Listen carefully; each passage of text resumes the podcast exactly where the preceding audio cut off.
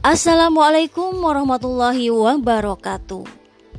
Berjumpa kembali dengan saya Rani Imron dalam jendela telaah jendela memahami hidup dengan Islam kafah.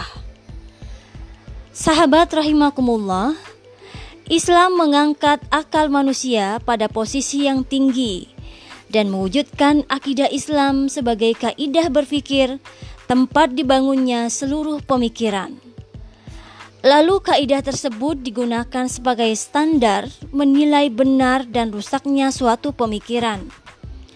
Hal ini telah mengubah mereka dari keimanan yang muncul secara naluriah menuju keimanan yang muncul melalui proses berpikir.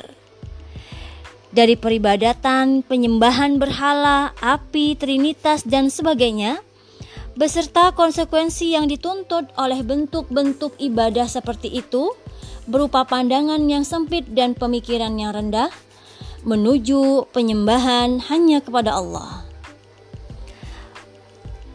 Sahabat rahimakumullah, Islam menjadikan manusia membenarkan adanya kehidupan lain yaitu akhirat dan memberikan gambaran dengan gambaran yang seperti dijelaskan dalam Al-Quran dan As-Sunnah, termasuk tentang adanya siksaan dan kenikmatan.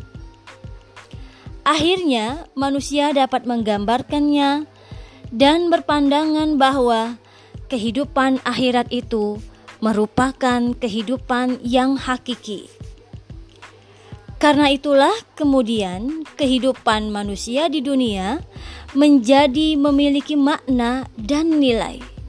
Sebab kehidupan di dunia merupakan jalan menuju kehidupan akhirat yang lebih bahagia dan lebih abadi. Demikian sahabat, kali ini perjumpaan kita. Semoga bermanfaat. Tetap semangat, tetap ceria. Allahu Akbar. Wassalamualaikum warahmatullahi wabarakatuh.